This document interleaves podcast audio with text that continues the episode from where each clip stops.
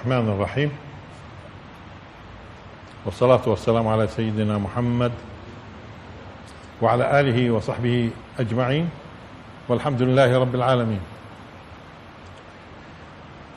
في آخر الدرس الماضي كنا أشرنا إلى حديث صحيح اللي هو مطلع يوشك أهل العراق أن لا يجبى إليهم قفيز ولا درهم. أشرنا إلى إشارة سريعة. بعض الأخوة طلب أنه نفصل في موضوع هذا الحديث. قبل هيك قبل هيك تلاحظوا بأنه القرآن والسنة القرآن والسنة كثيرا ما أعطوا المسلم فكرة عن المستقبل. هو أصلا أنبياء دائما الأنبياء دائما لابد أن يكون لديهم بشريات تتعلق وين؟ بالمستقبل. وحتى أي مستقبل سواء كان مستقبل قريب أو بعيد إلى يوم القيامة في القرآن والسنة. وهذا من الأمور اللي بتميز الدين إنه بعطيك الأفق أفق المستقبل. في أشياء كما قلنا كانت قريبة. مثلا غلبت الروم في أدنى الأرض وهم من بعد غلبهم سيغلبون في بضع سنين. مثلا أه لتدخلن المسجد الحرام إن شاء الله آمنين إلى اخره مش هيك عم بيعطيهم فكرة. إنا فتحنا لك فتحا مبينا. قصة سراقة مشهورة. سراقه وتبشير الرسول صلى الله عليه وسلم بفتح فارس وبلاد الرومان. وطبعا أبعد من هيك فتح القسطنطينية. وأبعد من هيك شيء له علاقة بواقعنا الحالي من فواتح سورة إيش؟ الاسراء وبتذكروا إحنا سبق آه تحدثنا في ثمان دروس ثمان دروس آه في فواتح سورة الإسراء. اذا في عندنا ثمان آه دروس في فواتح سورة الاسراء يضاف إلها درس تاسع تحت عنوان وعد الآخرة. للإنسان اللي بده يرجع يرجع يشوف النبوءة الواردة في فواتح سورة الإسراء المتعلقة بالواقع الحالي المتعلقة بالواقع الحالي. إذا ثمن دروس تحت عنوان نظرات في سورة الإسراء للي بده يدخل في اليو يدخل في اليوتيوب. نظرات في سورة الإسراء وأكثركم طبعا أنتم حضرتوها. زائد التاسع اللي هو تحت عنوان وعد الآخرة. وعد الآخرة. إذا الدين بيعطيك الأمل وببشر بمعنى إنه جهدك أنت يا مسلم يثمر.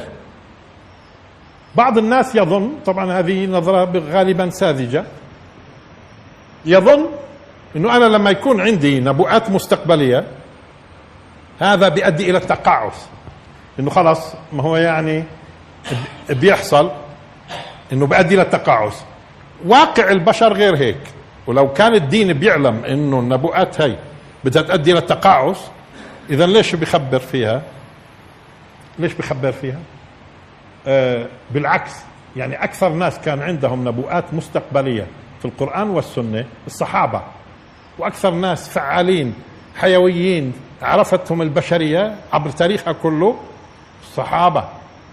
والصحابة سبق قلنا استشهد في أرض المعركة 80% من الصحابة الجنود.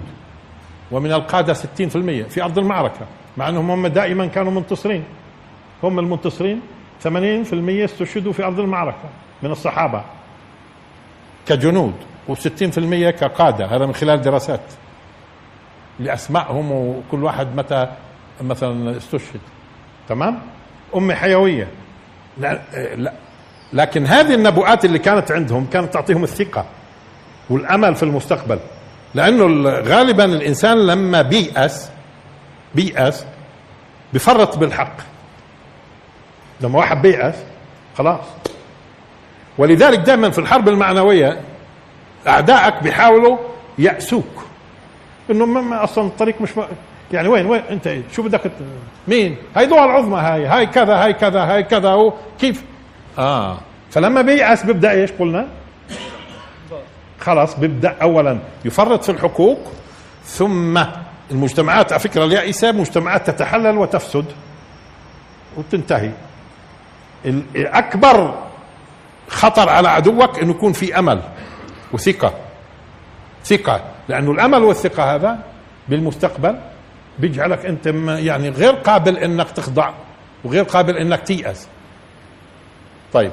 لذلك القرآن الكريم لا يعقل قبل 1400 سنة يتكلم لنا في موضوع آه، المسجد الأقصى وفلسطين قبل 1400 سنة إلا لأنه ما آه، آه، أو الشيء اللي راح يواجهوه المسلمين في ذاك الزمن بعد 1400 سنة اللي هو أنتم يعني شيء ضخم ممكن يعني يؤدي إلى أن الأمة إيش؟ كما قلنا تيأس ثم هي تذوب في عدوها القوي الغني المتطور تكنولوجيا إلى آخره تذوب فيه وتدور في فلكه. لكن الدين بيحفظ. من خلال إيش؟ بيعطيك تصور واضح. اولا تصور واضح عن أعداء الحق وتصور واضح عن المآلات. قل للذين كفروا ستغلبون. من أول يوم كان يقول لهم ويفصل لهم كيف راح تنتهي الأمور. اولا هو حرب معنوية له بالنسبة حرب معنوية تجاهه ورفع لمعنويات المسلم. لذلك المسلمين دائما لما بكون في ثقة فيش مجال ينهزوا. فيش مجال ينهزوا هذه مسألة مهمة. إذا ما ما نتصور إنه نبوءات يعني تقاعس. عمره ما كان عند الناس لما تكون نبوءات تقاعس. بل هي مفتاح. مفتاح للأمل. معناته أنت كل ما بتفعله له في النهاية نتيجة. حتى لو ما كانش له نتيجة دنيوية. بالنسبة للمؤمن إيش؟ ما هي الأخروية أهم. ما هي النتائج الأخروية أهم. أما في النهاية كتب الله لأغلبن أنا ورسلي. وأهم شيء الفكرة طبعا. أهم شيء الفكرة. الفكرة لأنه العداء العداء اللي بيقوم بين البشر لما بتدرسوه مظبوط بتجدوا أساسه أساسه نقول فلسفي عقائدي ثقافي بين كل الأمم. وإذا بيجي يوم نستعرض حتى كل ما بتعرفوه من صراعات قائمة في الأرض راح تكتشفوا إنه غير صحيح المسألة مبنية على أساس مصالح لا أساسها عقائدي فلسفي ثقافي. ثقافي. وبنفهم ليش بيعادوك أنت بالذات؟ ليش بيعادوك؟ ليش بيخافوا إنك تنهض؟ ليش بيحاولوا يحاصروك؟ ولكن في قدر أقوى من الجميع. والله سبحانه وتعالى معطينا تصور للمستقبل. هذه مقدمة الأولى في موضوع قبل ما نتحدث في الحديث. وخليني أخذ من أعدائنا شوية. هم لما جمعوا الناس في فلسطين جمعوا الناس من أرجاء العالم اليهود يعني في فلسطين أيضا كانوا يعرضوا لهم نبوءات موجودة في التوراة وأن التوراة تنص على العودة إلى هذه الأرض. هذه استخدموها استخدموها مشان يشحنوهم. ولما يكون الشحن ديني هذا قوي قوي. حتى الملاحدة منهم زي بن غوريون وغيره ملاحدة هم أصلا علمانيين لكن بيستخدموا الدين. قالوا راح نستخدم الدين لعند ما تنتهي أغراضه. تمام؟ استخدموه. واحد زي هيرتزل. هيرتزل آه، قاد من أول يوم المؤتمرات الصهيونية وكان متزعمها. على فكرة هيرتزل يعني كان صغير سنة 1897 لما عمل آه، يعني عقد أول مؤتمر صهيوني. أول مؤتمر صهيوني عقد في بال أو بازل سنة 1897 كان عمره 37 سنة. كان عمر هيرتزل 37 وهو كان زعيم زعيمهم كلهم. آه، وعلى فكرة توفى صغير في حدود 44 سنة توفى هو لأنه هو توفى في حدود 1904 1904 مواليد 1860 1860 هيرزل. الآن.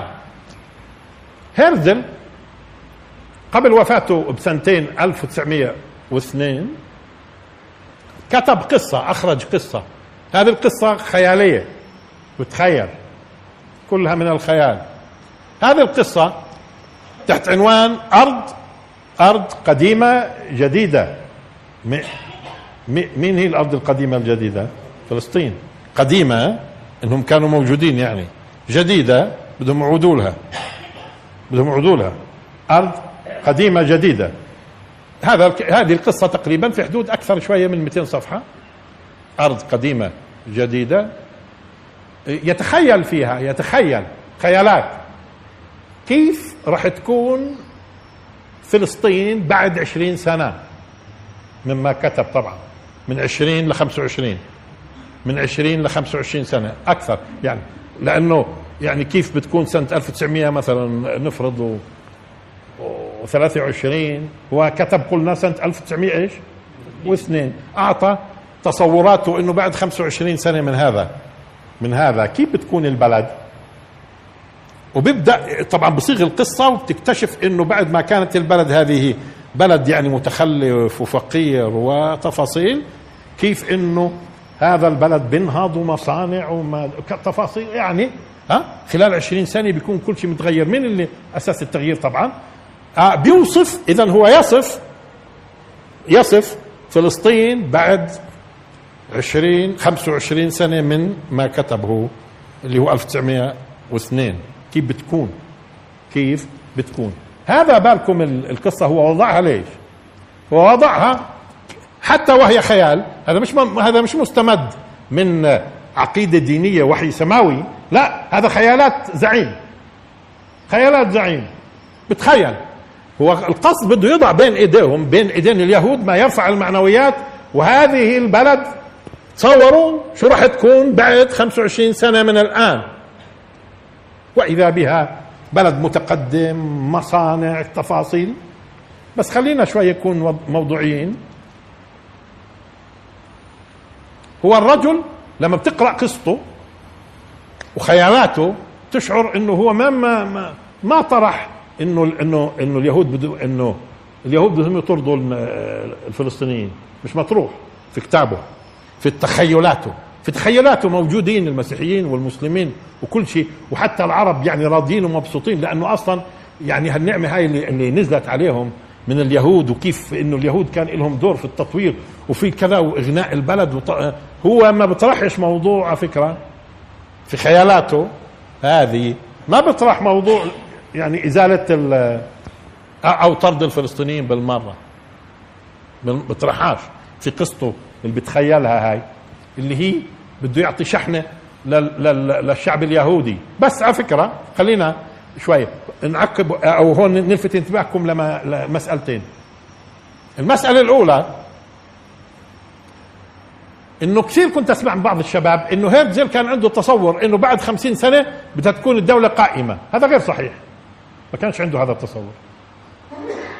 بالعكس تصوره بعد 25 سنة من ال 1902 لما طلع بقصته قديم اللي هي أرض قديمة جديدة كان متصور إنه كل شيء تمام بعد 25 سنة.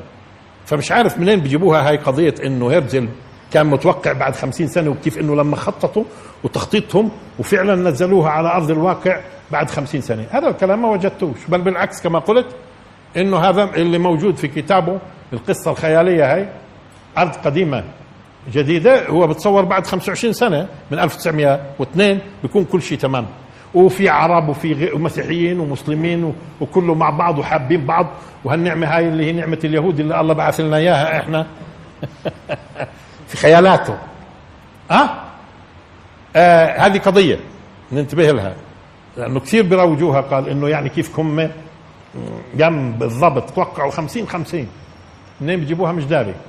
تمام؟ هاي واحد. اثنين هيرزل في المؤتمر الصهيوني السادس اللي هو 1903 لأنه هو توفى 1904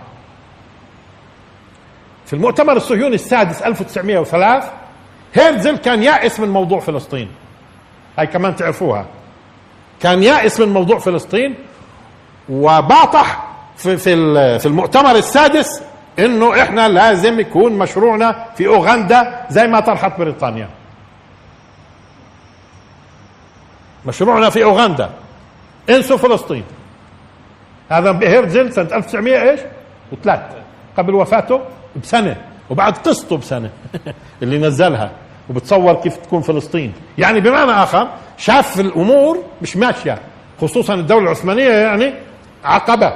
راسلوا هم راسلوا الخليفة آه، عبد الحميد. راسلوه وحاولوا وجدوا عبد الحميد صخرة أمامهم. صخرة. هون خليني أتوقف شوية في عبد الحميد. في السبعينات يوم بفتح مجلة العربي وأنا في دمشق. اشتريت المجلة العربي آه، من آه، كنت في دمشق. في السبعينات هذا. بفتح وبقرأ وإذا في صفحات صفحات إيش؟ ممزوعة. طيب أعطيني بالله عدد ثاني. ممزوع كله. كل الأعداد اللي تباع في البلد ممزوعة. صفحات من مجلة العربي. طبعا فيما بعد ظليت عبين ما روحت أدور على العدد حتى أشوف شو الصفحات اللي الصفحات إيش؟ الممزوعة. الممزوعة من العدد اللي ممنوع يقرأها الشعب السوري في حينه. وإذا به وثيقه وثيقة آه، من أيام السلطان عبد الحميد وموقفه من قضية فلسطين وكيف إنه كان آه بدهمش لأنهم بدهم يزوروا التاريخ في أذهان البشر ويزعموا بالقومية اللي هم هي القومية في النهاية اللي زعموها اثاريتهم بقتلوا البشر. بقتلوا البشر يعني قومية هاي اللي بقتلوا الناس وبفرقوا الأمة. بعدين أنت إذا كان وثيقة تاريخية هاي ومكتوبة في مجلة أنت إيش دخلك لما بدك تدخل المجله تمزع وما تخليش الشعب يقرأ ويعرف إيش السلطان عبد الحميد وإيش موقف عبد الحميد من القضية الفلسطينية. وبالتالي بعد ما راح عبد الحميد انو اللي ضيعها أصلا. وانو اللي بضيع قضية فلسطين لليوم أنتم شايفين الجواسيس اليوم شو بيعملوا؟ وحكينا كثير في موضوع الجواسيس. طيب الآن آه اذا هو هيرجل وجد حاله أمام صخرة في المؤتمر السادس 1903 قالوا لهم آه، خلاص أوغندا. اعملوا تصويت اعملوا تصويت. طبعا أثر هيرجل التصويت من اللي نجح أوغندا. رفعت خرط نزلت خارطه فلسطين اللي كانت معروضة في المؤتمر السادس. نزلوا خارطه فلسطين وطلعت خارطه أوغندا. اذا مات هيرزل ومشروعه وين راح؟ على أوغندا. وقصته اللي هي قديمة ما ما زبطتش القصة. ها؟ وهذول الناس اللي بيقولوا إنه شوف تخطيطهم يا سبحان الله وكيف كان يقول هرجل هرجل ماتوا هو بده اوغندا مش فلسطين. تمام؟ وهذا الكلام اللي بقوله مثبت تاريخيا. ومن الناس اللي قالوا أيضا اللي هو حييم وايزمان أول رئيس دولة لإسرائيل مش رئيس وزراء قلنا أول رئيس دولة لإسرائيل في مذكراته بذكر الصراع اللي تم في المؤتمر السادس وكيف إنه هيرتزل وفي الأخير هو طبعا حييم وايزمان كان ضد هيرتزل في هذا الموضوع. حييم وايزمان ما هو قادم من روسيا. آه وحييم وايزمان هذا جيد أقول لكم عنه شوية في مذكراته شو بقول. بقول وقد التقيت بلينين في أكثر من مؤتمر صهيوني. التقيت بلينين. لينين شو كان يروح يسوي يا أخوي في المؤتمرات الصهيونية؟ وقد اكت... لاحظوا شو بقول؟ بالضبط في مذكراته حييم وايزمان وقد اللي هو فيما بعد كان رئيس الوكالة اليهودية. رئيس الوكالة اليهودية وبعدين صار رئيس الدولة مش رئيس الوزراء أول رئيس دولة لإسرائيل. وقد التقيت بلينين في أكثر من مؤتمر صهيوني وقد كان يهوديا وكان يشبهني كثيرا حتى أن البعض كان يدعوني أحيانا مسيو لينين. ليش مسيو طبعا؟ ليش مسيو لأنه كانت المؤتمر وين ينعقد؟ في فرنسا. كان المؤتمر ينعقد في فرنسا.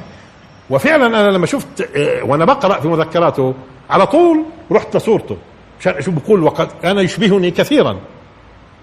وإذا به ما بتفرقوا عن لينين اطلاقا وحالق نفس الحلقة ونفس السكسوكة الموجودة للينين هو بحيث لو اجى واحد عرض عليك مين هذا؟ بتقول له لينين. لينين. اذا وقد التقيت بلينين في أكثر من مؤتمر صهيوني وكان يهوديا. شوف شو بقول عن لينين. وكان يشبهني كثيرا حتى أن البعض كان يناديني أحيانا يعني يختلط عليه الأمر مسيو لينين تمام؟ إيش اللي جاب لينين؟ آه طيب المهم فحييم وايزمان هذا. بتحدث عن المؤتمر السادس والصراع اللي تم وكيف نزلت خارطة فلسطين؟ طلعت خارطة أوغندا. مات هيرزل سنة 1904 مات 1904 في المؤتمر الخامس السادس عفوا السابع قلنا. السادس الآن السابع. في المؤتمر السابع بالتصويت رجعت خارطة فلسطين. نزلت خارطة أوغندا طلعت خارطة فلسطين. في قدر في قدر في الموضوع بده يغلب القدر. في كلام في القرآن من أول يوم. كيف راح يصير الأمر وكيف في النهاية؟ وراح يكتشفوا الناس أنه هذه القضية هي القضية اللي شكلت استفزاز للعالم الإسلامي كله وطورت في الوعي وأسقطت أفكار كثيرة وفلسفات وحمت الأمة في مرحلة من مراحل وفي النهاية نقلتها نحو العالمية. أنتم قضية فلسطين راح تنقلكم نحو العالمية مش بس موضوع إقليمي وحل قضية فلسطين مع اليهود. هذا صراع هذا صراع عالمي هذا. والأمة الآن قدها. بغروكم يعني وجود الجواسيس؟ هذول هذول خلاص. طالما انكشفوا انتهى الموضوع. طالما انكشفت الجواسيس خلاص الأمة أصبحت أمام الحقيقة. خلاص. الآن نرجع للحديث إذا أول شيء قبل الحديث اللي يوشك خليني في حديث هنا في سبق ذكرناه قد في أكثر من درس. بس نذكركم فيه. بخصكم. سألوا الرسول صلى الله عليه وسلم عن آه، مين يعني الصلاة في مين أفضل الصلاة في المسجد النبوي ولا المسجد الأقصى؟ في المسجد النبوي مين الصلاة أفضل يعني ثوابها أكبر؟ في المسجد النبوي ولا المسجد الأقصى؟ يعني بيت المقدس. لاحظوا الإجابة. إجابة الرسول صلى الله عليه وسلم. أولا أولا أول شيء قال طبعا أعطاهم يعني آه، إنه الصلاة في المسجد النبوي آه، ثوابها أكبر تمام؟ ثوابها أكبر. خلصنا. ولكن شو عقبوا قال لاحظوا. ولا نعم المصلى هو. هي طب خلص كان يقول لنا كان يقول لنا إنه خلص ثواب في المسجد النبوي أربع أضعاف مثلا. ضعفين. تمام؟ وخلاص. على قد السؤال. شو كانت تكملة الكلام؟ ولا نعم المصلى هو. ولا يوشكن. اذا في ديروا بالكم في أكثر من عامل في موضوع الثواب. هو بتقول لي الصلاة في من أكبر. طب ما في عوامل أخرى غير موضوع إنه الصلاة في مضاعفة. في شيء ثاني بيضاعف الثواب في غير قضية إنه صليت أنا في. فكان جواب الرسول صلى الله عليه وسلم قال لهم إنه الصلاة في مسجد كذا والصلاة في المسجد الآخر لكن ولنعم المصلى هو ولا يوشكن. خليني أوقف عند يوشك هون. يوشك لأنه راح تيجي معنا في الحديث الثاني. يوشك. يوشك. هي هي بسموها من أفعال المقاربة. من أفعال المقاربة يعني اللي بدل على قرب في الزمن. لكن أنت لما تدرس الموضوع عند أهل اللغة أكثر عند أهل اللغة أكثر كاد كاد هي اللي بتكون يعني فيها الزمن قريب كثير. مش هيك يا شيخ؟ فيها الزمن قريب كثير. ولكن بتجدوا من أهل اللغة من يقول إنه يوش يوشك آه تشبه عسى. وفيها تراخي. وفيها تراخي وحتى بعض علماء اللغة قال هذه مش من أفعال المقاربة. فإذا ما تظنوش إنها هي يعني يوشك أخرى شوية. هذيك يكاد هذيك يكاد فاستخدام يوشك. يوشك الآن ما تأخذناش لأنه أنا راح هون راح يكون في حديثين فيهن قضية يوشك. ها؟ آه. اللي فعلها يعني وشك. مش وشك طبعا وشك ضعيفة وشك. طيب. يوشك. ولا يوشكن. اذا خلصنا من قضية يوشك إنها تراخي في الزمن ولا إيش؟ هي من أفعال المقاربه ولا ولا بتشبه عسى؟ ولا إلى آخره. بس عسى فيها رجاء طبعا مش موجود في يوشك. طيب. لاحظوا. ولا يوشكن. أن يكون أو ولا يوشكن لأن يكون للرجل مثل شطن فرسه من الأرض. وسبق قلنا شطن الفرس يعني قديش؟ متر مربع يعني من الأرض. ما هو شطن الفرس اللي هو حبل الفرس. الحبل الرسن يعني. الرسن. ها؟ في أحاديث ثانية ذكرت ذكرت شطن وغيره بيدل على إنه المقصود فيه. آه هذا ما يساق في الدابة هاي الفرس. طب هذا قديش طوله يعني؟ يعني في النهاية لو بدك تضبطه على الأرض أقل من متر مربع أقل أقل من متر مربع. ولا يوشكن أن يكون. ولا يوشكن لا أن يكون. ها؟ ولا يوشكن أن يكون للرجل مثل شطن فرسه من الأرض حيث يرى منه بيت المقدس. يعني بيش الرؤية البصرية. أنتم بتشوفوا بيت المقدس ولا لا؟ لما تطلعوا من المسجد. بالعين البصر. نشوف ولا ما نشوفش مالكم أنتم؟ بطلتوا تشوفوا. نعم. اذا عم بعطيك المدى. مدى. ولا يشكن أن يكون للرجل للرجل مثل شطن فرسه من الأرض حيث يرى منه. بيت المقدس. المتر هذا اللي أنت فيه بحيث يكون بيت المقدس في حدود الإبصار آه خير له من الدنيا جميعا. خير له من الدنيا وما فيها. إيش يعني؟ انتبهتوا؟ إيش يعني؟ معناته المسألة بتسأل كأنهم بده يقول لهم الرسول انت بتسألوا الصلاة فيهم قديش ثوابه؟ طب ما هو راح يجي وقت عليه. انتبهوا الآن كيف صارت المسألة؟ راح يجي وقت عليه.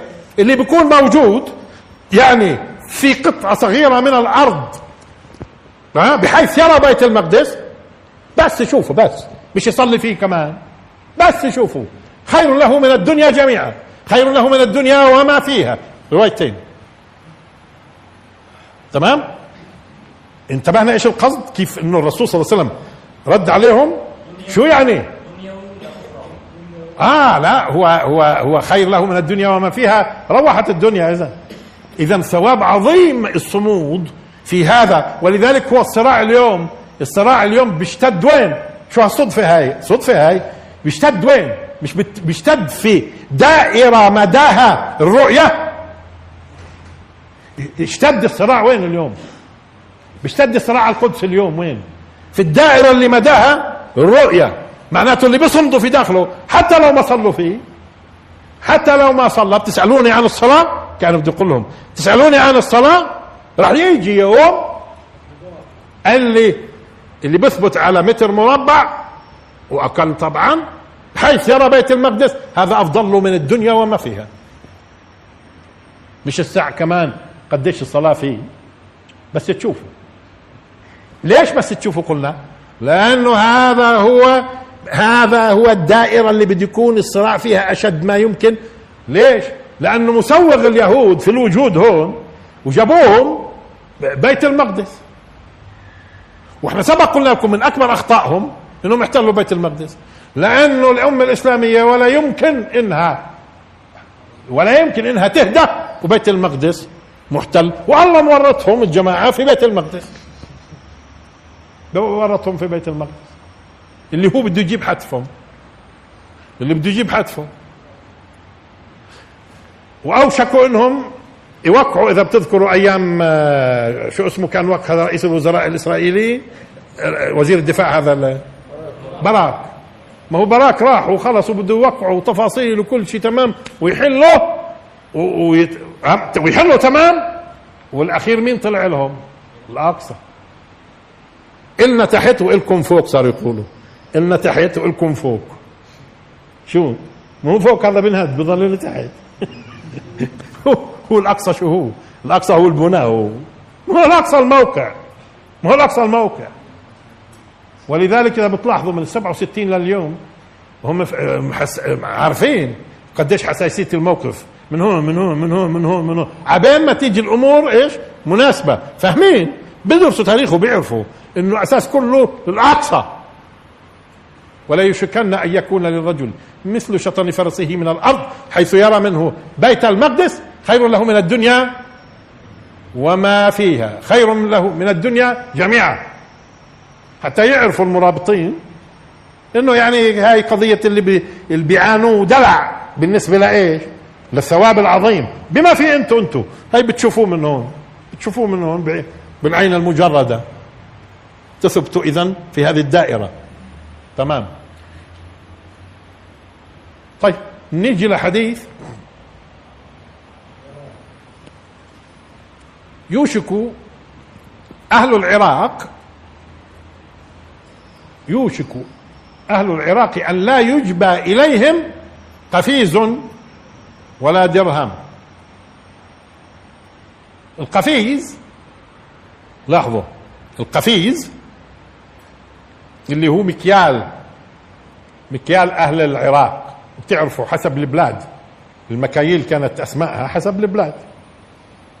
وعندنا كان مشتهر زمان هنا المد. والمدي. والصاع. والصاع ما هو لأنه في كتب الفقه يعني والمد ثبت.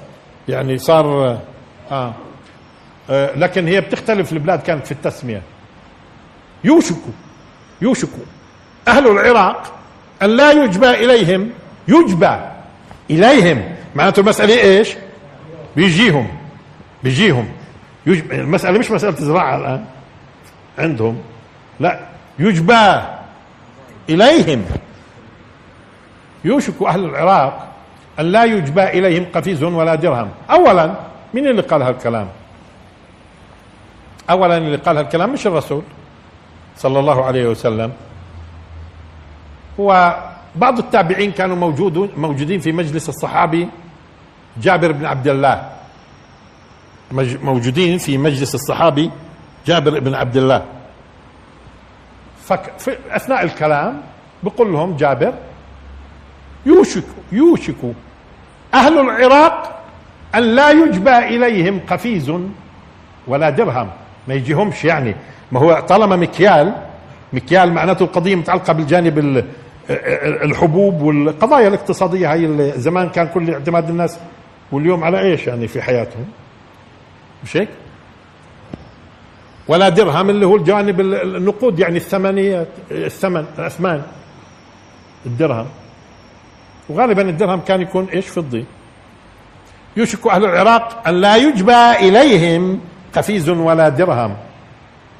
استغربوا. قالوا له من أين ذاك؟ يعني من أين ذاك المنع؟ من اللي يمنع؟ هذول بيسألوا اذا التابعين اللي بيسمعوا للصحابي. الآن الصحابي هو هو لاحظوا كل الكلام منه بس لا يعقل إنه يتكلم في قضية غيبية زي هاي إلا ماخذها من الرسول صلى الله عليه وسلم بس هو بصيغ الكلام الآن. بعدين لما بده يقول قال الرسول صلى الله عليه وسلم بقول. أما هو ماخذ المعلومة من الرسول صلى الله عليه وسلم الآن بصيغ لهم إياها هو. فبقول لهم يوشك لأنه مش معقول هو بتنبأ بالغيب جابر بن عبد الله وهذا اللي بسموه العلماء بيسموه الحديث الموقوف على الصحابي يعني له حكم المرفوع للرسول صلى الله عليه وسلم. موقوف على الصحابي لأن الحديث اللي يسمى موقوف هذا على الصحابي والمقطوع على التابعي والمقطوع غير عن المنقطع. المقطوع يعني التابعي. إذا قالوا جاء في الحديث المقطوع يعني للتابعي وجاء في الحديث الموقوف يعني الصحابي وجاء في الحديث المرفوع للرسول صلى الله عليه وسلم. فهذا من الأحاديث الموقوفة الصحابة ولها حكم المرفوع. ليش؟ لأنه الصحابي مش معقول يعني هو بيعلم غيب هو هذا إذا ماخذها عن الرسول. زي لما نشوف الصحابي بيصلي بدون ما يقول إنه هيك كان يصلي الرسول شو بنفهم إحنا؟ إنه هيك كان يصلي الرسول. مش هيك تمام؟ قالوا له من أين ذاك؟ يعني مين يمنع؟ ولاحظوا قضية مين يمنع. طب زمان بالمفاهيم الم...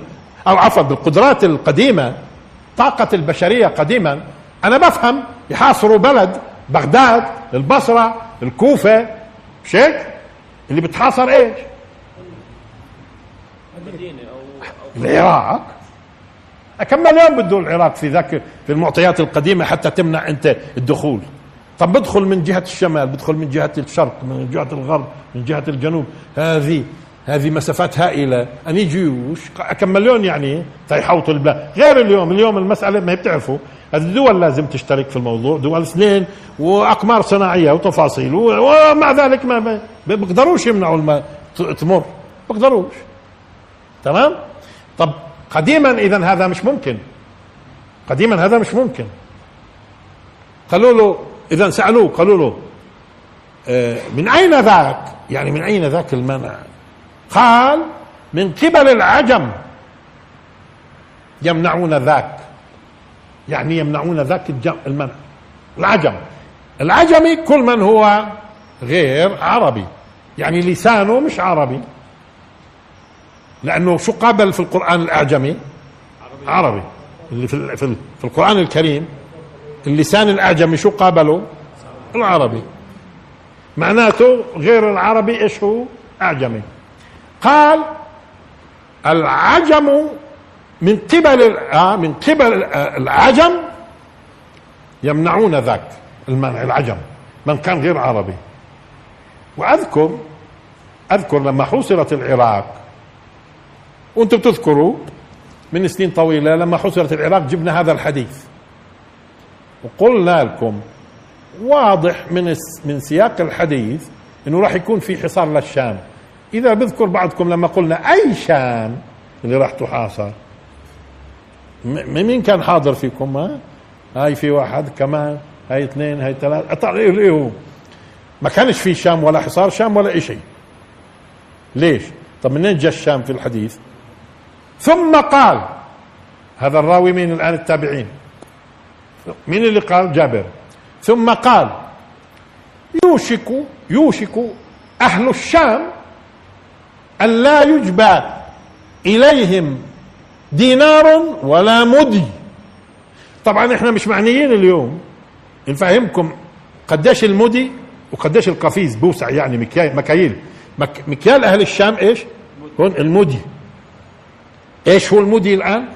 وقديش هو؟ شو بوسع ما بيعنيناش. بيعنينا إنه الكلام عن مكيال عن المكاييل اللي لها علاقة بالجانب الاقتصادي حبوب ومش حبوب وغيره والثمنية المتعلقة بدينار ودرهم. يوشك أهل الشام أن لا يجبى إليهم لاحظوا مدي ولا دينار. أو إذا بدنا بالضبط زي ما قال دينار ولا مدي قالوا له قلنا من أين ذاك؟ مين يعني من أين ذاك المنع؟ يعني من أي جهة بيجي هذا؟ المنع. هالمرة شو قال؟ العجيب لاحظوا. الروم. الروم يمنعون الروم من قبل الروم. يعني يمنعون ذاك. من قبل الأولى العجم كل من كان غير عربي. والغريب والغريب فعلا في موضوع حصار العراق في موضوع حصار العراق إذا بتلاحظوا اشتركت الأمم المتحدة كلها بقرار حتى دولي. بقرار دولي. اشترك قرار دولي. كل الدول. والدولة الوحيدة اللي رفضت وقتها كانت في مجلس الأمن. دولة عربية قالت لا أنا مش موافق. فصفى مين اللي قرر؟ وعلى أساس تطبق الدول. مين المانع الحقيقي كان اللي بيمنع؟ العجم كل من هو غير عربي. العجيب في موضوع الشام اللي طبعا جابر جابر بن عبد الله على فكرة ما حكى لنا بالضبط ما حكى لنا بالضبط إيش موضوع الشام. يعني شو قال الرسول بالضبط؟ ما قالش هو. هو ما قالش. هذا ننتبه له. يعني التعبيرات لحد الآن تعبيرات جابر. عن معلومة عنده. أما ما قالش قال رسول الله صلى الله عليه وسلم حتى ندقق على كل لفظة. حتى ندقق على كل لفظة ما قالش قال الرسول صلى الله عليه وسلم. يوشك أهل الشام أن لا يجبى إليهم دينار ولا مدي قالوا له من أين ذا؟ قال الروم. إحنا سبق بينا لكم إنه الروم. الروم يعني الغربيين اليوم. حتى الأمريكان لأنه الأمريكان منين جايين هم؟ هم من أوروبا. ما هم مش الهنود الحمر اللي بيمنعوا اليوم. الأمريكان البيض هدول منين جايين؟ من البلاد اللي كان فيها روم. وسبق بينا لكم إنه من يزعم إنه الروس روم بينا وفندنا إنه لا علاقة للروس بالروم في درس من دروس. غلبت الروم بيقدروا يرجعوا له في اليوتيوب. غلبت الروم بينا إنه هذه كذبة كبيرة الزعم بأن الروس روم. لأنه في بعض الناس بيحاول مثل هذه الأحاديث وغيرها يجيرها وفق السياسة. يعني الدين بيجعلوه خادم للسياسة. مش السياسة تكون خادمة للدين. فبصيروا يحرفوا. فبعضهم أنا وجدت على في, في اليوتيوب وغيره قال يزعمون إنه الروس روم والروس لا علاقة لهم بالروم. لا علاقة لهم بالروم. تمام؟ وبالعكس الروس بيلتقوا مع الإيرانيين في أصولهم من ناحية تاريخية ولما نزلت آية غلبت الروم وهالتفاصيل أصلا الروم مك... الروس ما كانوش مسيحيين وين صاروا مسيحيين؟ فصلنا لكم في درس من الدروس مشان نبين كذب الذين يزعمون أن الروم أن الروس روم مشان يقولوا إنه إحنا والروم راح نقاتل في معركة ضد عدو. إحنا والروس بدنا نقاتل في معركة ضد عدو يا كذابين. الروس روم يعني مشان تقولوا قتل الشعب السوري ولا قتل مين يعني؟ انتبهتوا؟ يعني السياسة كيف تلعب؟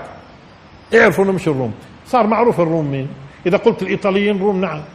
إذا قلت اليونان روم نعم. إيه كذا الأوروبيين بشكل عام اليوم اللي تبنوا فيما بعد المسيحيه والكلام هون مش عن المسيحيه الكلام هون عن جنس الروم. الروم يمنعون. مش العجم. ولذلك عني شام طيب ما قالش لأنه ما جبناش حديث الرسول بالضبط إيش قال إيش قال ما قالش. أني شام إحنا شفنا شوية هون عندنا 17 شهر من قطع الإمدادات. ما هم اليوم صاروا بدهم يعملوا الشعب شحاد مشان يظلوا تحت سيطرتهم. وهي شفنا غزة اللي هي جوهرة الشام. تمام؟ وكلمة شام زمان سبق قلنا لكم. شام من النيل للفرات. الشام أصلا بشكل عام. وبلاد الشام لبنان سوريا الأردن فلسطين. ولكن الشام المقدس مين؟ الشام الجنوبي فلسطين. وغالبا لما يكون الرسول شام بالدرجة الأولى كان بيقصد إيش؟ فلسطين. وخيار أهل الأرض ألزمهم مهاجر إبراهيم. تمام؟ ولاحظوا الآن طب غزة. وهيو هم يقاتلوا الشعب السوري وبيضيقوا عليه من هون ومن هون ومن هون آه ثم سكت أو ثم أسكت طبعا في اللغة إيش الفرق بين سكت واسكت سكت بتعرفوها واسكت يعني اطرق أطرق ويبدو إنه هي الأدق أسكت. اللي هو مين؟ جابر. ثم سكت. ثم أسكت. هني أو هنيها. يعني شوية. أطرق. أطرق يفكر كانه جابر. لحد الآن على فكرة ما قالش قال الرسول. لحد الآن عم بعطي المعلومة اللي ماخذها من الرسول. والعجيب توافق الثنتين. ما انتهى حصار العراق إلا بدينا نشوف وين بينتقل الأمر وين؟ الشام واني شام بالدرجة الأولى؟ فلسطين. ماشي. هل ضروري إنه يروح لكل بلاد الشام؟ مش ضروري. لأنه إحنا ما قالناش هو بالضبط. جابر شو قال الرسول حتى ندقق في العبارة؟ وأعطانا معلومة بس إنه في حصار في الشام. في حصار في الشام. بس. إحنا شفناه الآن. كنا نسأل زمان. هذا حصار العراق هي أمامنا. فأين حصار الشام؟ هيك نسأل كنا. أيوه. ثم أسكت هنية أو هنيها. هنية. أطرق. وقال جابر يعني قال رسول الله صلى الله عليه وسلم يكون في آخر أمتي خليفة يحثي المال حثيا لا يعده عدا. يعني حصارين بيجي بعدهن فرج. هو أترك جابر. إحنا مش عارفين شو بفكر جابر. لكن جابر لما ذكر الحصارين حب يقول لهم إنه هذول الحصارين يعني مؤقتات ما هن. لأنه راح يكون الرسول صلى الله عليه وسلم يقول يكون في آخر أمتي خليفة يح يحثي المال حثيا طب شو علاقة حثي المال؟ آه لأنه الكلام عن إيش؟ عن ضيق في المال. ولا يجبى إليهم. وحصار.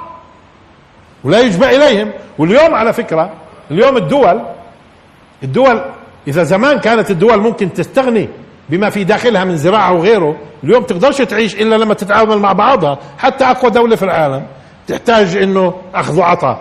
فإنك تيجي تمنع أن يجبى إليها. وقلنا قلنا زمان إنه ما بتقدر تحاصر العراق أنت. تحاصر بلد. اذا معناته من بعثة الرسول صلى الله عليه وسلم لزماننا هذا ما بيحصلش هالكلام ما في دولة بتقدر تمنع. معناته الكلام بتعلق بزماننا. معناته الكلام يتعلق بزماننا. لما صار في إمكانية إنك تعمل منع منع على إيش؟ على مساحات هائله دول. وبرجع أقول شام مش بالضرورة كل الشام لأنه إحنا حديث الرسول ما قال لنا يا شو لكن شفنا حصار في الشام. في بعض سواء كان هون شفناه شوية. مش كان عندنا وفي غزة شوية. وعندنا 17 شهر ما بقبضوش المعلمين والمدرسين والموظفين ها قصدي ها. والى آخره شوية. وبعدين انتقلت لشديدة وين؟ شديدة في في غزة. ولا تزال. ثم أسكت هنية.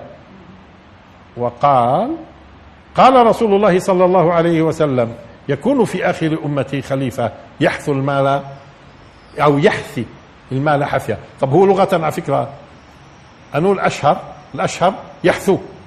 طب يجوز يحثي؟ آه. اذا يحثو يحثو. وهذه الأشهر الأكثر استخدام يحثو. آه. آه آه. بس إحنا الآن آه طبعا موجود يكون في آخر أمتي. بس الآن كيف ربط جابر؟ ليش أنا ركزت؟ إنه في كلام لجابر في فهم لجابر. بس هو بيتكلم عن حصارين وفي فهم لجابر. كيف نقل حديث؟ لذلك هنا في هون في ال... قال قال رسول الله صلى الله عليه وسلم هون قال. قال هناك ما قالش قال رسول الله صلى الله عليه وسلم يكون في آخر أمتي خليفة آه بس يا عماد ما هو أنت إذا لفت انتباهك كلمة آخر لا لا ما هي هذه الآخر الآخر هذه بتحتمل. ما إحنا إحنا المسلمين آخر الأمم. وبيننا وبين آه بس آخر الأمم قديش يعني؟ 2000 سنة 1500 قدرها السيوطي 1500 1500 سنة آه، آه، قمرية مثلا آخر. وبالتالي ال 1500 آخر 100 و200 فيهن. هذه آخر ولا مش آخر؟ يكون في آخر. إيش الآخر طبعا؟ إذا إحنا 1500 فرضا مع إني أنا مش موافق 1500 بس هذا أكثر واحد من علماء المسلمين قديما عمل تقديرات من أحاديث شريفة. آه، كل تقديرات القديمة راحت صارت وراء إلا السيوطي. تقديره 1500 1500 سنة. 1500 سنة. آه, آه، طيب ال 1500 سنة. آخر 200 آخر؟ آخر 200 آخر ولا مش آخر؟ آخر 300 آخر ولا مش آخر؟ آه، مش هيك؟ يكون في آخر أمتي خليفة يحثي أو يحثو بس هي يحثي. المال حثية وقلنا لغة إيش؟ يحثو وهي الأشهر والأندر تعبير يحثي يحثي المال حثية لا يعده عدا ليش يعده؟ ليش؟ إذا الخير كثير. يعد ليش إذا الخير كثير. وهو بالكم. الخير مش كثير. بلى. بس اللصوص كثار. مش مخلين لحدا الله يخرب بيته طب هذاك اللي هذيك اليوم سقطوه في إيه في مصر. قديش متهمينه؟ قال ب 75 مليار. هذا قال يعني يا الله أكبر. إذا هو 75 وولادته أبصر قديش واللي حواليه قديش. هذه كاينة مصر بتعيش في رغد. هذه بتعيش في رغد مصر وقديش ماكل الجيش والزعمات الجيش ناهبين الأمة بتتراجع الأمة أعوذ بالله من الشياطين. عمره ما عملها استعمار هاي. عمره ما عملها استعمار.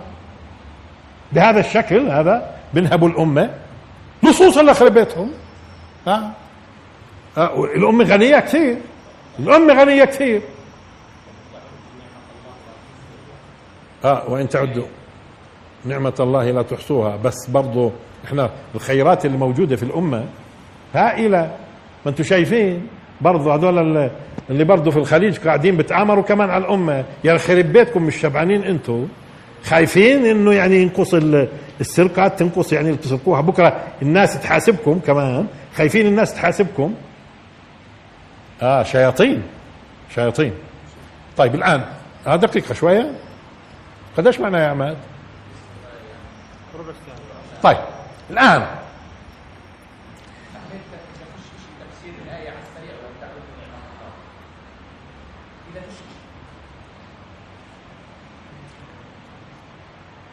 الآن في ناس بيخلطوا بين هذا الحديث هذا الحديث وحديث ثاني. ويا سبحان الله الرسول صلى الله عليه وسلم دائما بيقول يقول في نصيحته أو في وصيته بشروا ولا تنفروا أو بشرا ولا تنفرا الأصل المسلم شو يكون؟ بشير. بصير يكون نذير طبعا لما يشوف الناس غلط. بس برضه شو الناس يعني بس نذير أنت بدك تكون إيش؟ بشير. في ناس يا سبحان الله آه، ممكن يحرفوا النصوص أحيانا مشان يتلائم مع مزاجهم في تيئيس الأمة. تيئيس الأمة. في حديث صحيح بقول إيش هو؟ وهذا الحديث اللي بدي اذكره ما له علاقة بالحديث اللي خلصنا من شرحه ما له علاقة. هم بدهم يجعلوا علاقة فحرفوا حرفوا بعض ألفاظه. يعني بدل ما هي منعت شو قالوا؟ منعت. طب لا مش صحيح. هي منعت مش منعت. وهذه ممكن نفصل فيها طويلا بس باختصار. إذا مش منعت منعت العراق. منعت العراق. اختلف الآن. ما له علاقة. هذا الحديث. شو هو الحديث؟ منعت العراق لاحظوا درهمها وقفيزها. أو قفيزها ودرهمها أنه قبل الثاني. منعت العراق قفيزها ودرهمها. منعت. مش منعت. غير عن هذاك. هذاك يشكو العراق أن لا يجبى إليهم من برا قفيز مش قفيزها هي بتمنع قفيزها فيش علاقة بين الحديثين. منعت العراق قفيزها ودرهمها. ومنعت الشام مديها ودينارها.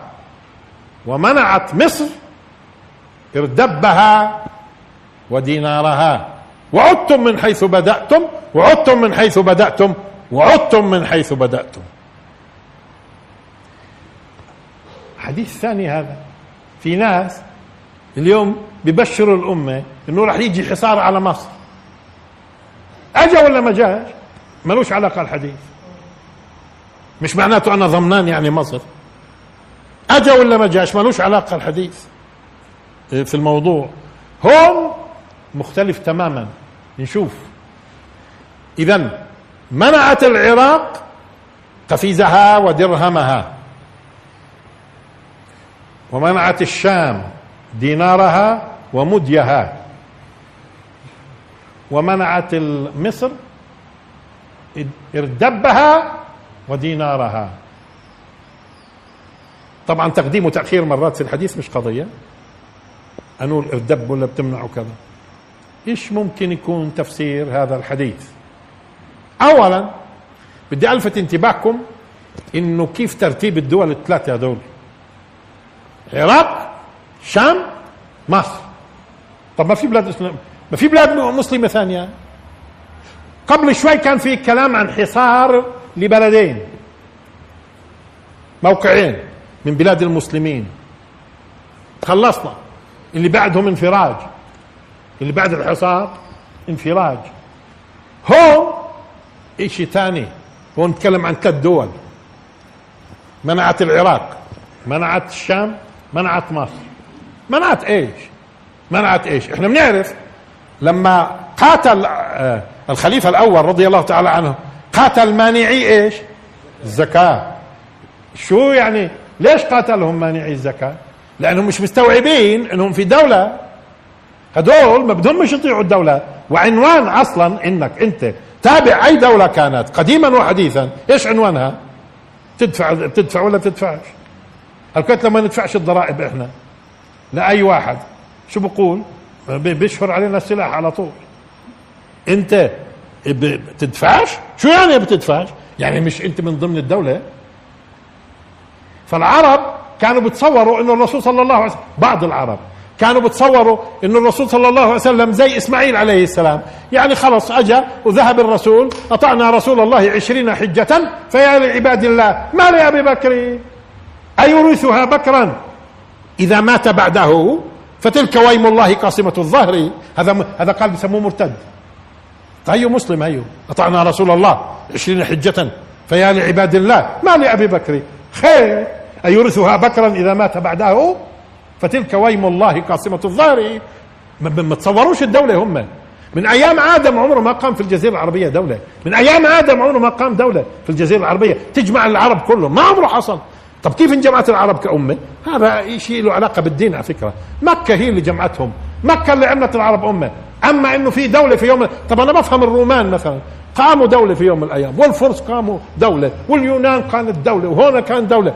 أنتوا سمعتوا في الجزيرة العربية في يوم من الأيام كان في دولة مين اللي عمل العرب إذا أمة؟ الدين. الدين اللي عملهم أمة. مكة. مكة ودين إسماعيل اللي عمل أما دولة فهم تصوروا إنه إحنا قاعدين إسماعيل. أبو بكر قال لا بنفهمكم غير هيك.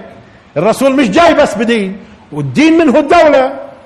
أنتم مش فاهمين انها دولة لحد الآن. أنتم مش كاينين عارفين إنه الرئيس إنه الرسول صلى الله عليه وسلم برضه رئيس دولة؟ بنفهمكم لذلك لما قال عمر بن الخطاب قال له لأبو بكر أنت بتقتلوا المسلمين؟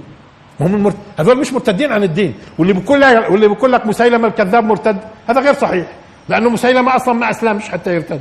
هذاك اللي بيكون أسلم بعدين بيرتد.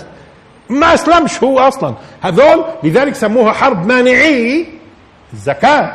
بيصلوا الجماعة وبصوموا مسلمين وأبو بكر بده يقاتل من يفرق بين صلاة وزكاة. هذول مش فاهمين إنه في دولة. هذول بدهم يضلوا بداوة يعني. الإسلام جاء مشان تضلك بدو. ولذلك بعض الناس سالني أكثر مرة وأنا استغربت. كثير أخوة بيسألوني أنت في كتابك بتقول إنه اللي بيكون بدوي وبتحول لحضر من الكبائر أن يرجع إلى البداوة. نعم هذا من مبادئ الإسلام.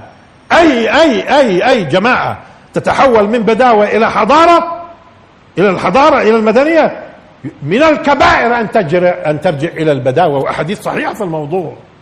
وكان أي إنسان يرجع إلى البداوة يسالوه تعال أنت تعربت؟ كله له هيك تعربت؟ تخرج على الدين؟ ترتكب كبائر أنت؟ ولا الدين الدين الإسلامي لا جاي؟ مشان يحض حضارة هاي بده بده يصنع حضارة. ها؟ ترجعوا لي أنتم بدون ترجعوا لي بدون دولة. لذلك أبو بكر فهمانها فقاتلهم. حتى فهموا إنه دولة. حتى فهموا إنه دولة. طيب وأول ما فتح ف... لاحظوا لما دخل الدول اللي دخلت في سلطان المسلمين أول ما دخلت إذا بتلاحظوا العراق شام مصر. وهذول لعلمكم عقر دار المسلمين والقلب والمركزية الشام. وفي عندك جناح شرقي وجناح إيش؟ غربي. هدول أهم ثلاث دول. هدول أهم ثلاث دول. عقر الدار وين؟ الشام. إلى يوم القيامة. عقر الدار الشام. هيك في الأحاديث الصحيحة. مركزية الإسلام هون الشام. بلاد الشام من النيل للفرات المركزية. مركزية الايش الدولة الإسلامية والإسلام هون. ولذلك إذا فسد أهل الشام فلا خير فيكم. هون. بعدين في جناح العراقي والجناح المصري. شرقي وغربي. هذول الأساس. ولذلك شو معنى الحديث؟ إنه راح يجي يوم هذول الثلاثة يمنعوا. يعني شو يعني تمنعوا خلصنا. وعدتم وكرر وكررها ثلاث. ان ثلاث بلدان على فكرة. ثلاث بلدان. وعدتم من حيث بدأتم وعدتم من حيث بدأتم وعدتم من. إذا معناته هذا إشعار على فكرة. إنه هذول الثلاثة أساس. وأول ثلاثة أصلا خضعوا لحكم الإسلام وكانوا يؤدوا المطلوب. يؤدوا المطلوب لمين؟ لخليفة. يؤدوا المطلوب لخليفة. بغض النظر هالخليفة ضعيف قوي عدل ما عدلش الإسلام بس كله إسلام. الخلل في البشر ممكن لكن إسلام تمام؟ هذول الثلاثة لما بيجتمعوا لما بيجتمعوا مش واحدة لما بيجتمعوا إنه تم يعني ما عادش يدفع خلصنا يعني ما عادش يلتزم أمام إشي فوق ما عادش يلتزم أمام إشي فوق معناته عدتم من حيث بدأتم. طب كويس. وماله نعود من حيث بدأنا. إذا بدنا نعود زي الصحابة من حيث بدأنا جميل. لا مش القضية قضية الإسلام. الإسلام مستمر إلى يوم القيامة. ومش معقول وعدتم من حيث بدأتم يعني عدنا زي الصحابة. ما هو بدأنا مسلمين الصحابة وقمة. وهذا مش هاي المقصودة إذا معناته عدتوا فوضى. مش هيك؟ قبل ما يجي الإسلام يوحدكم. مش معناته من موحدش لا رجعنا من أول أبو جديد وأنتم شايفين راجعين من أول أبو جديد مع الصعاليك والجواسيس ولا لا؟ أنتم شايفيننا راجعين من أول أبو جديد هاي هالأيام هاي بترجعوا من أول أبو جديد وعدتم من حيث ما بعتم وإذا بهم جواسيس وإذا بهم أعداء الله وإذا بهم وإذا بهم ومفرطين في الحقوق ومحط واصلا فيش زكاة بيجمعوها وفيش كذا. اخره والتركيز على هدول الدول الثلاث. لأنه هاي الثلاث لما بترجع على فكره كل العالم الاسلامي العربي راح ينشد لها وكل العالم الاسلامي راح ينشد لها وتنهض لأنه قلنا في قلب اللي هو بلاد الشام هذا قلب وفي جناح الشرقي وفي الجناح الغربي اللي هم هذول لما الثلاثه ودرسوا الان وانت الآن منعت الناس ما عادتش تلتزم بزكاة ولا بجباية ولا بتفاصيل في مواجهه في مواجهة رأس رأس رأس. ما بتلتزموش لما هذول الثلاث شو اللي صار في الأمة؟ تباثرت الأمة ورجعت الآن من حيث بدأت. بس مش معناته نيأس لأنه رجعنا من حيث بدأنا. طب ممتاز. يعني بنوحد الآن. راح راح راح نرجع نعيد من أول أبو جديد. نبني من أول هم نبني إن شاء الله.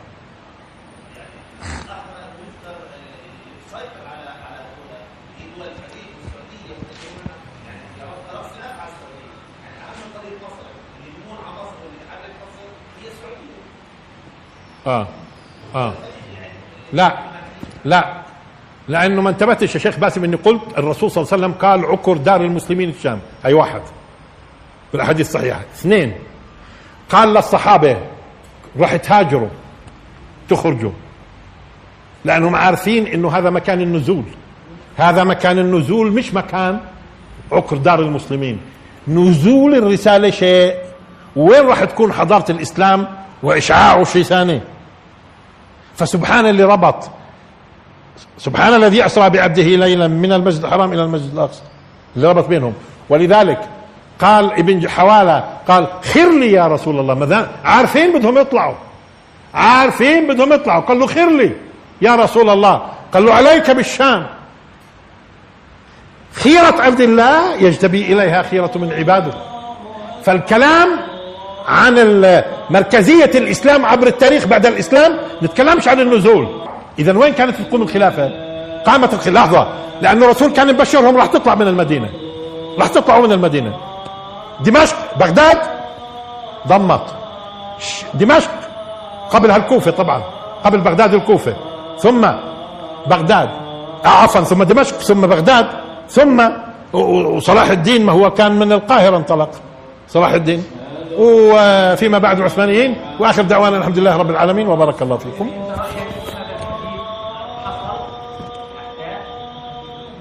منعت وخلصنا حكايه إحنا عدنا من حيث بدأنا. في اعاده الصياغة. في اعاده الصياغة.